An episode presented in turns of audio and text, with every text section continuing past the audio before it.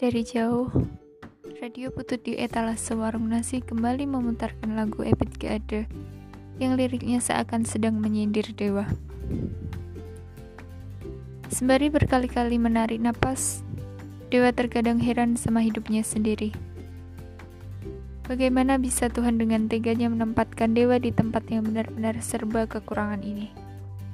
Kekurangan uang, kekurangan ketampanan, kekurangan daya jual. Yang lebih dari dewa cuma satu. Banyak dosanya. Itu pun kayaknya nggak bisa dibanggakan. Mungkin dulu dewa lahirnya tidak normal. Ketika bayi lain lahir dengan cara operasi sesar, dewa lahir dengan cara dipetot pakai pinset. Masalah cinta?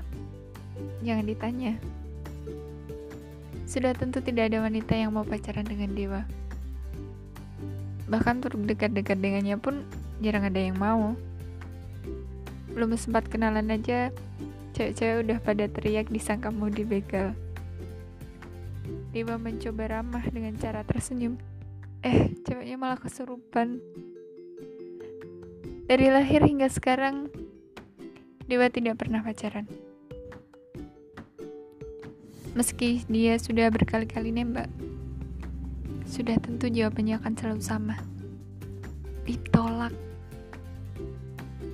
Dalam umurnya yang sekarang ini, Dewa sudah pernah nembak cewek sebanyak 23 kali dan ditolak 24 kali. Benar-benar pencapaian luar biasa untuk seorang manusia. Entah apa yang salah dari hidup Dewa. Padahal dulu waktu kecil dia juga sama seperti bayi-bayi pada umumnya yang diberi ASI. Namun, tampaknya ASI di sini bukan singkatan dari air susu ibu, melainkan air susu iblis. Dan ya, selamat datang di cerita ini. Berbeda dari sebuah cerita klise yang ada di internet, inilah cerita tentang kehidupan yang sesungguhnya.